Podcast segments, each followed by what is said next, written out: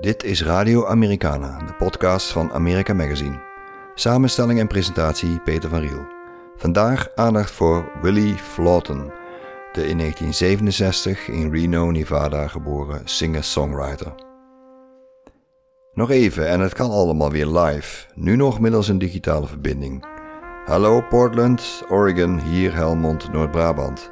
Kees Schepel in gesprek met schrijver-muzikant Willie Flaughton. Americana-liefhebbers kennen hem van Richmond Fontaine, waarmee hij vele jaren toerde en ontelbare cd's maakte. Actueler zijn de D-Lines, die we voor COVID-19 ook geregeld in Nederlandse clubs zagen. Willie Flaughton is geen man van de voorgrond, hij is verteller en doet dat in zijn songs, maar vooral in zijn boeken. Onlangs verscheen The Night Always Comes, dat later dit jaar ook in Nederlandse vertaling in de winkels ligt. Daarvoor schreef hij onder meer de prachtige romans The Motel Life, Don't Skip Out on Me, Northline, The Free en Lean Pete, dat ook verfilmd werd. Vrijwel al zijn boeken zijn vertaald en of verkrijgbaar. Aanraders, net als zijn albums.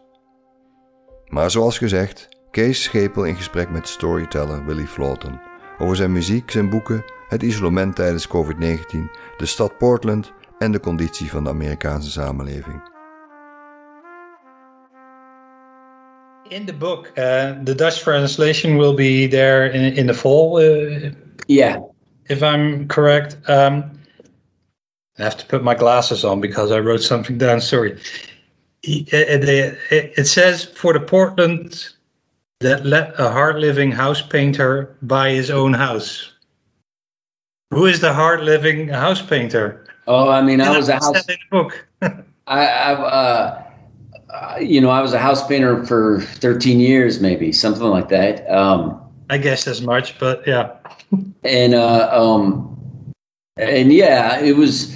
You know, uh, Portland was a, a town where a working class person could buy a house, and um, and, and you know, and and I was one of those guys that they, they they got lucky and got to buy one of these old beat up, really nice little houses that you know that there's thousands upon thousands of them in Portland, and um, and so I dedicated the book uh, because there's an idea, maybe it's antiquated uh, now, but the idea of the American dream of home ownership.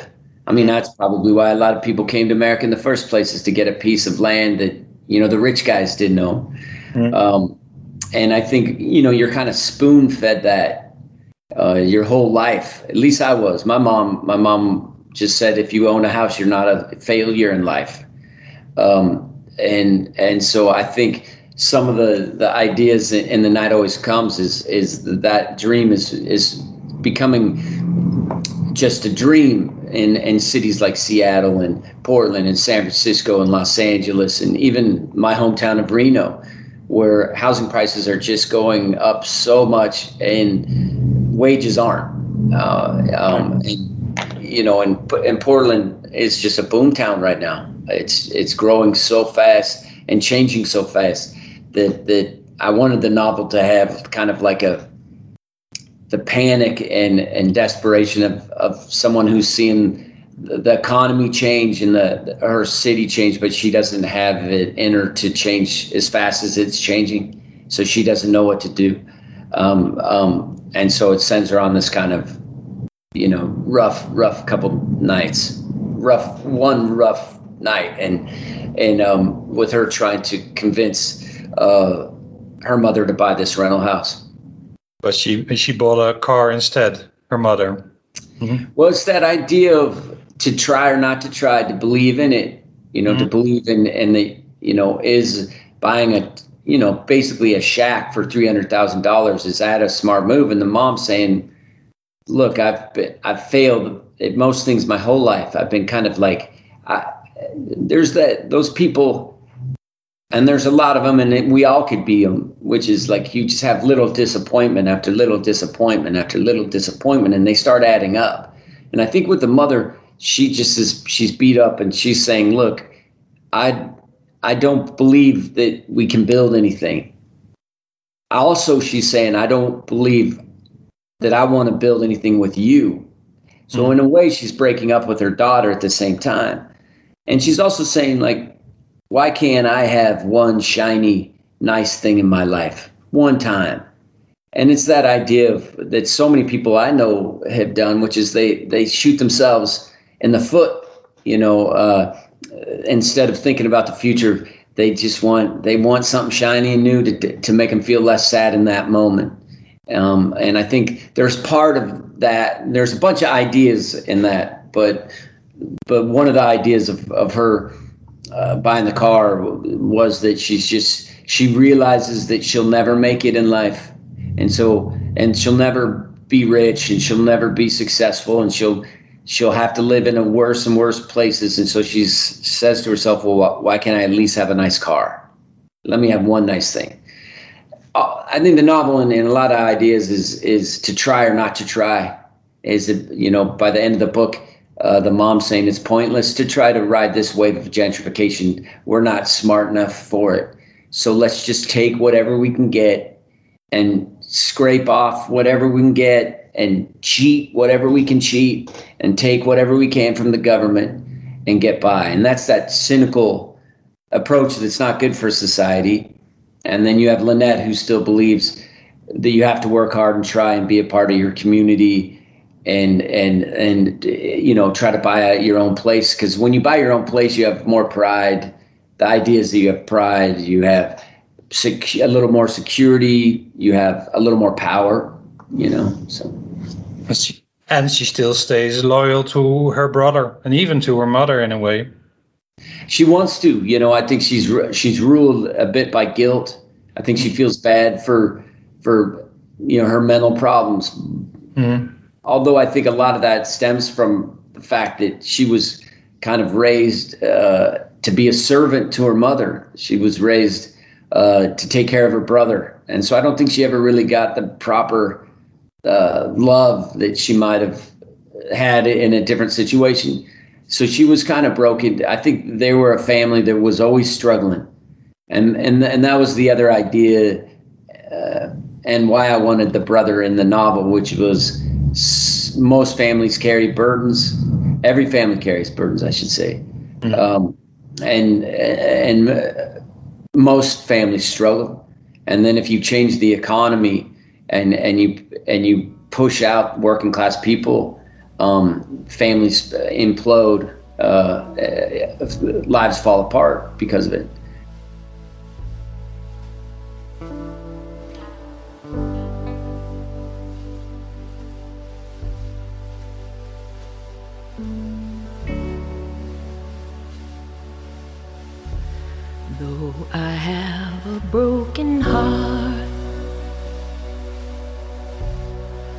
I'm too busy to be heartbroken. There's a lot of things that need to be done. Lord, I have a broken heart. Though I have a broken dream, I'm too busy to be dreaming. There's a lot of things that I've gotta do. Lord, I have a broken dream. And I'm wasted all the time. I've gotta drink you right off of my mind. I've been told this will heal given time. Lord, I have a broken heart. And I'm crying all the time. I've got to keep it covered up with a smile. But I keep on moving on for a while. Lord, I have broken heart.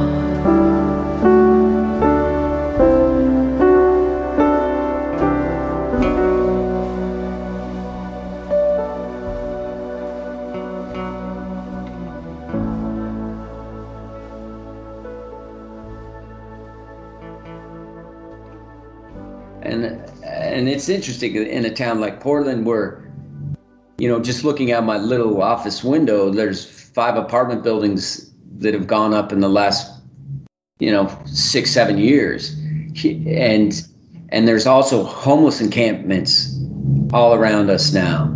Uh, so it doesn't make sense. And all the mom and pop stores, like the individual owned stores, a lot of them are sa- selling to big uh, investment real estate investment companies who will tear them down and build something new. So it's this kind of boom town that that that's unsettling. Well, that's also kind of a boom town that chases away normal people or just people like Lynette and, and, and her mother because there's no yeah. way you can stay there, right? Like that. Yeah, exactly. And, and, and also, you know, during this big boom in Portland, um, and it's, it's growing so fast that there's, like if, if you hadn't been there in a couple years, you would be shocked. Just in, like if you hadn't been there in two years and you came to the city, you'd be shocked at how much it's changed. That's a pretty remarkable thing to say. Mm-hmm. But also, if you hadn't been here in say the last three years, four years, you would have no idea that, that there's homeless encampments throughout the city of just people living in tents. Um, so while you're having these big apartments being built for housing, uh, and you have no idea who's going to live in all these places, you that you just know they're very expensive. And and at the same time there's there's you know a city little cities of uh, homeless people. So it's it's a interesting and it's happening all all over uh, the the western united states i think. Yeah right. Well the point is you can't be too greedy right? Yeah i mean that idea that was a, a quote that uh, president trump um, said and he was talking about uh, in terms of business deals Mm. But I think that's that was in the framework of his agenda and, and so many in, in politics and in in a sad way in, in the fabric of America, which is you got to get your piece of the pie. You whatever it takes, you've got to you've got to get more and get more and get more. And I think that I was interested in that idea of greed. Um, I, I was thinking about Reaganomics and Reaganomics was, you know, give everything to the rich, give all the tax breaks, give all the deregulation to the rich, and and their money, the sweat, their gold sweat will drip down on the poor people, and they'll get money too, because mm-hmm. it'll just it'll roll off them because it'll be coming in so fast. And then I thought about the, the 2008 housing crisis in the states. It just debilitated the the, the U.S. Yeah. And that was all deregulation too. And so I said, all right, if, if you believe that greed is good and you believe to give everything to the rich guys and it's all about me, me, me, then this is how it'll look at the bottom. And so I think what you see in, in Lynette's night is she, she, she comes across all these different versions of greed. Yeah. You know, she, she, she's throughout uh, that whole night, it's just different greed and, and, and different uh, short-sightedness um, that she encounters when when she's the, still the really the only one that believes that, in community and, and saving her her mother and her her brother. And she might not be doing it the smartest way uh, but but she's doing it you know the best best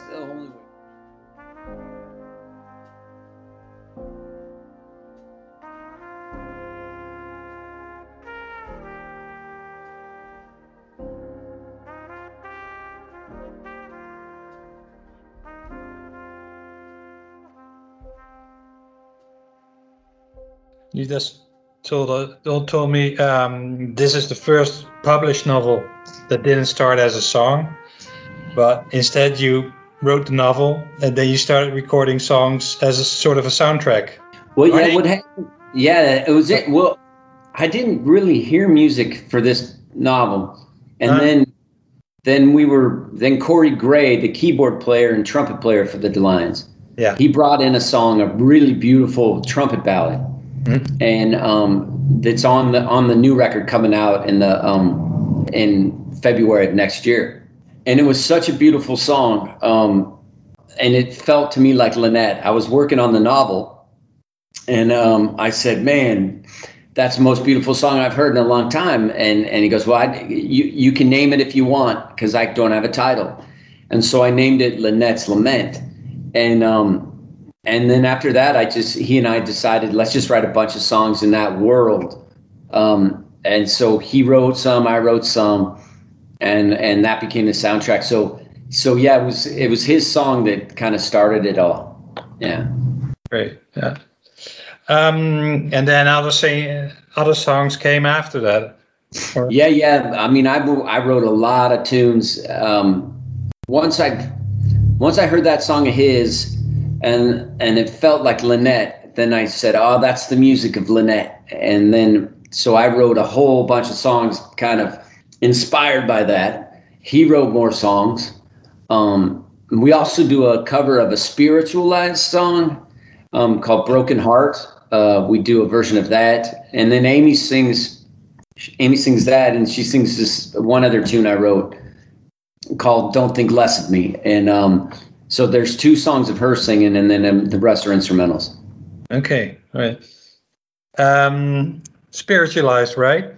Yeah, yeah, yeah, yeah. I was listening to them, and that song. That's such a beautiful song, uh, um, "Broken Heart." Um, that I was listening to it, and I said, "Oh man, that's Lynette driving around in her car late at night," mm-hmm. and um, because it's kind of dreamy and weird and but basically just a soul tune underneath it, uh, you know, soul ballad. And um, yeah, I've always loved that. Uh, uh, ladies and gentlemen, uh, welcome to space. Uh, that's exactly. a brilliant record, man. It is, yeah, especially when the lights are down and yeah, yeah, it's just you in the room. Yeah, yeah, I agree.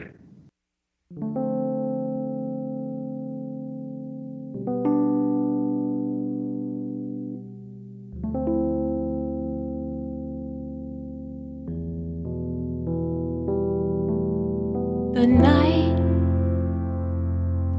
now haunts me. Places that never used to haunt me. Neighborhoods, houses, and even the bridge lights racing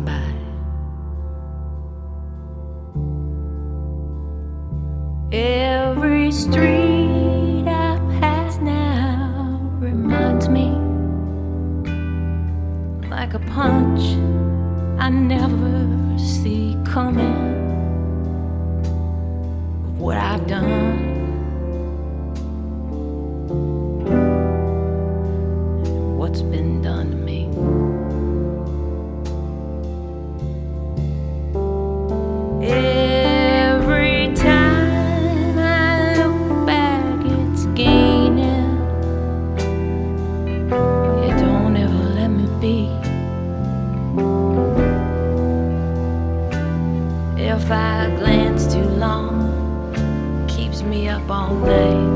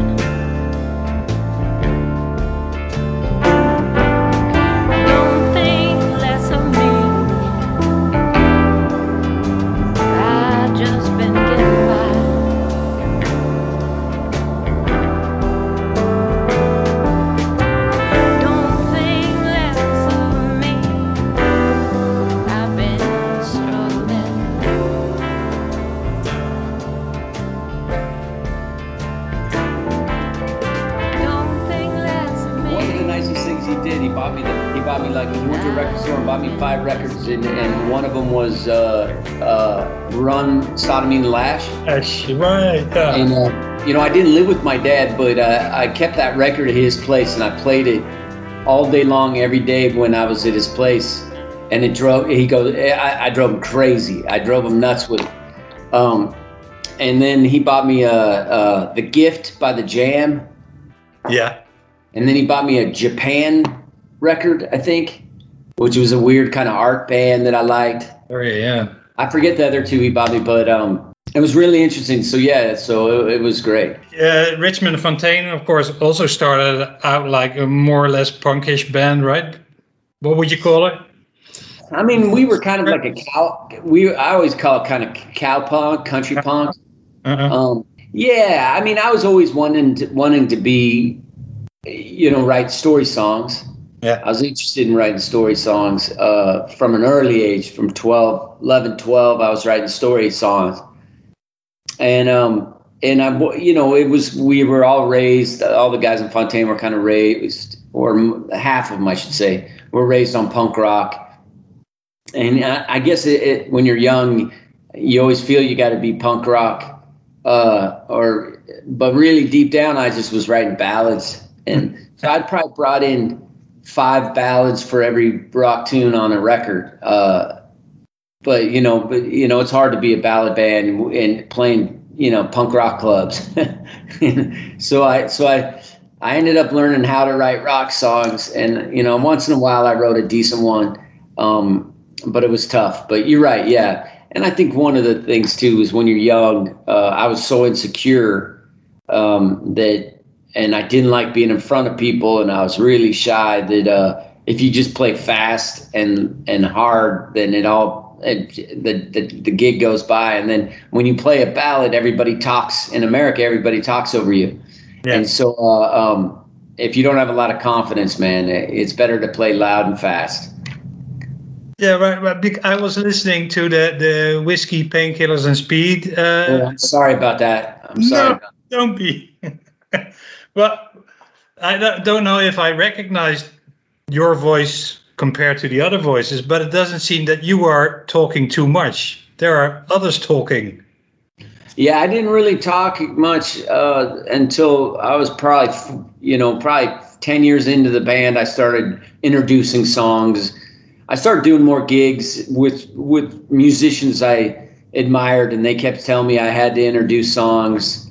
Um, you know, I would get lessons from guys who would just give me little tips um, to help me out. Uh, you know, and I also stopped drinking so much um, you know, I couldn't play sober for, I would guess, 15 years Yeah. of playing music uh, uh, in front of people. And then, you know, as, as Fontaine started doing better, uh, I became ashamed of myself for, you know, because I wasn't playing as good as I could because I was getting too drunk. Uh, so I had to figure that out. And it took me a l- long time to figure that out, but I did. Uh, uh, and then, you know, you talk more you know, I just got more confidence, I guess, really. I got more confidence, so I quit drinking before I played, and I got more confidence so I could introduce the songs and talk and all that. First show I saw was at the old Pine Street. Oh yeah, man, I got lit. Oh yeah, man, I got lit. Cause it was the first time I seen Nuggets.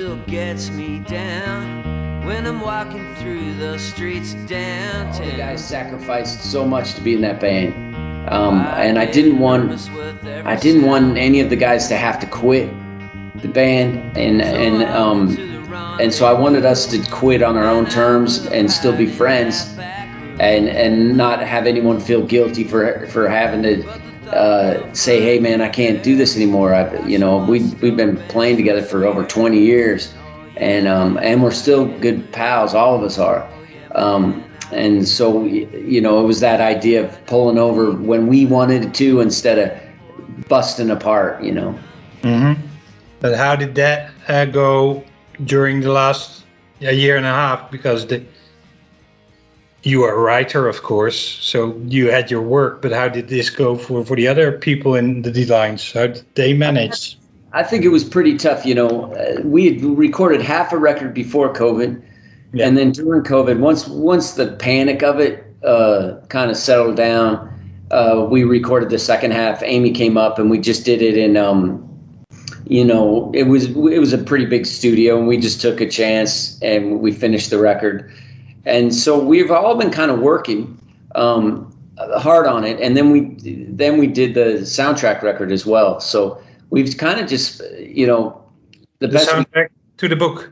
yeah Yeah, yeah, okay. so right. we did both those projects so we stayed pretty busy for a band that uh, you know was on hiatus uh, you know so i'm, I'm really happy for the uh, the records uh, the, the the big record we're putting out next year i'm really happy with uh, amy sang amazing i mean she was just unreal on this one so hopefully people will like it they will. They they're bound to, right? i hope so you never you never know you never know So the the, the the Euro tour will also be next year.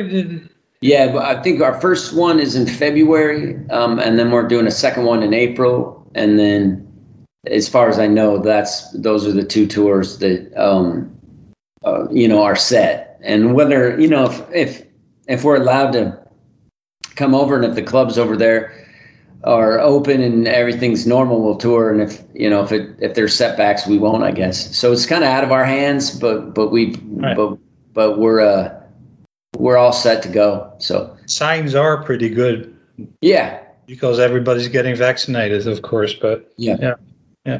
And e- either one of the tours has uh, Jerry Joseph. With, you you're taking yeah. Joseph The with first- you. I think the first tour Jerry's playing with us, so that'll be fun. He's an old friend of mine, and uh, you know, really good guy and great musician. So it's always fun traveling with him.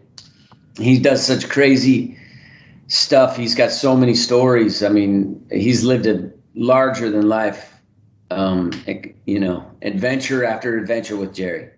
Right. It's time for him to get up, but he won't until he's late. Coughs and yells, oh fuck.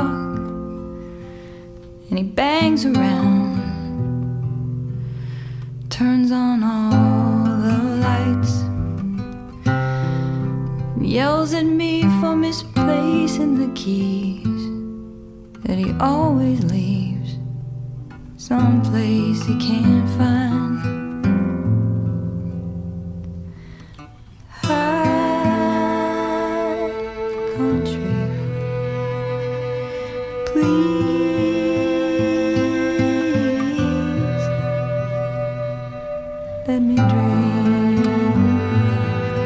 Yeah, but it's the first uh, um, novel I've written, or published novel, I should say, uh, that I've written that didn't start as a song. Right. It, it started with it started with driving downtown Portland and seeing anywhere between 10 and 15 cranes, and each crane means a new building.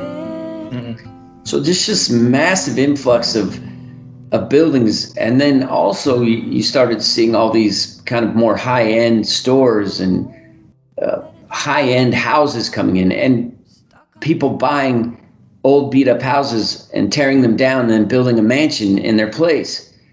And it just I started wondering like where where where's this all this money come from? Where do people get money to buy, you know, like I say in the book, five thousand dollar couches and uh, where do they get the money?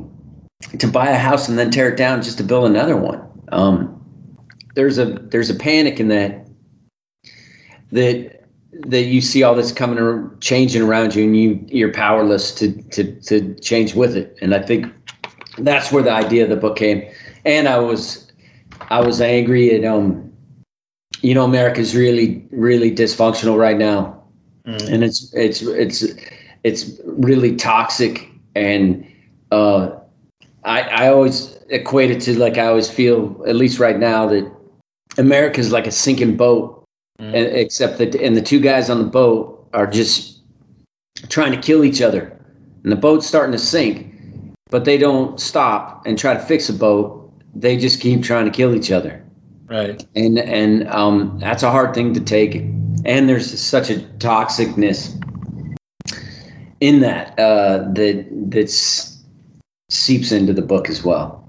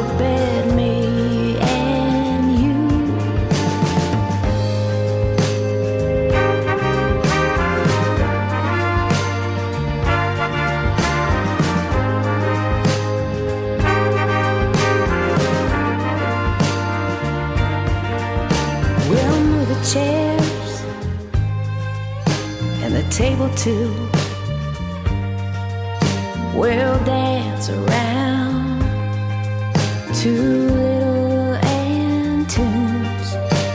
The night will come,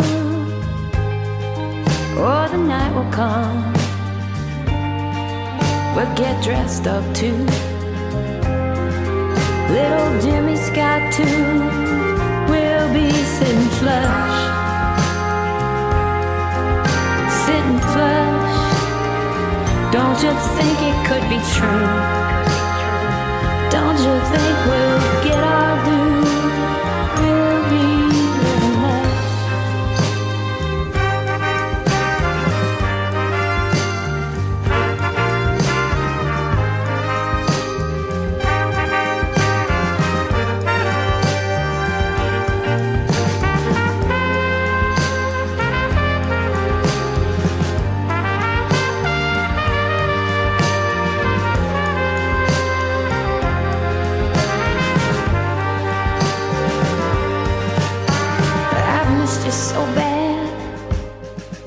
Thought my heart would stop.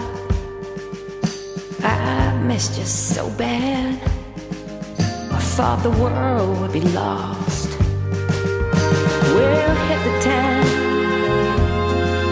and the night will sway. Hold us in its arms,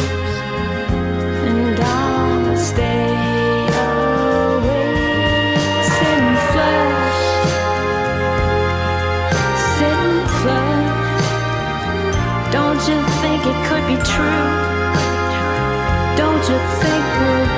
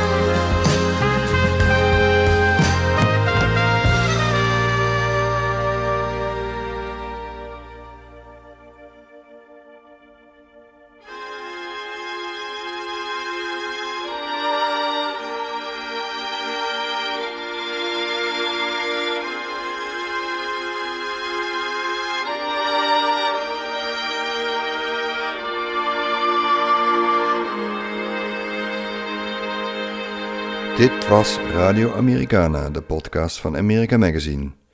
Meer weten over Willy Floten? Ga dan naar www.americamagazine.nl slash Americana. Tot de volgende keer.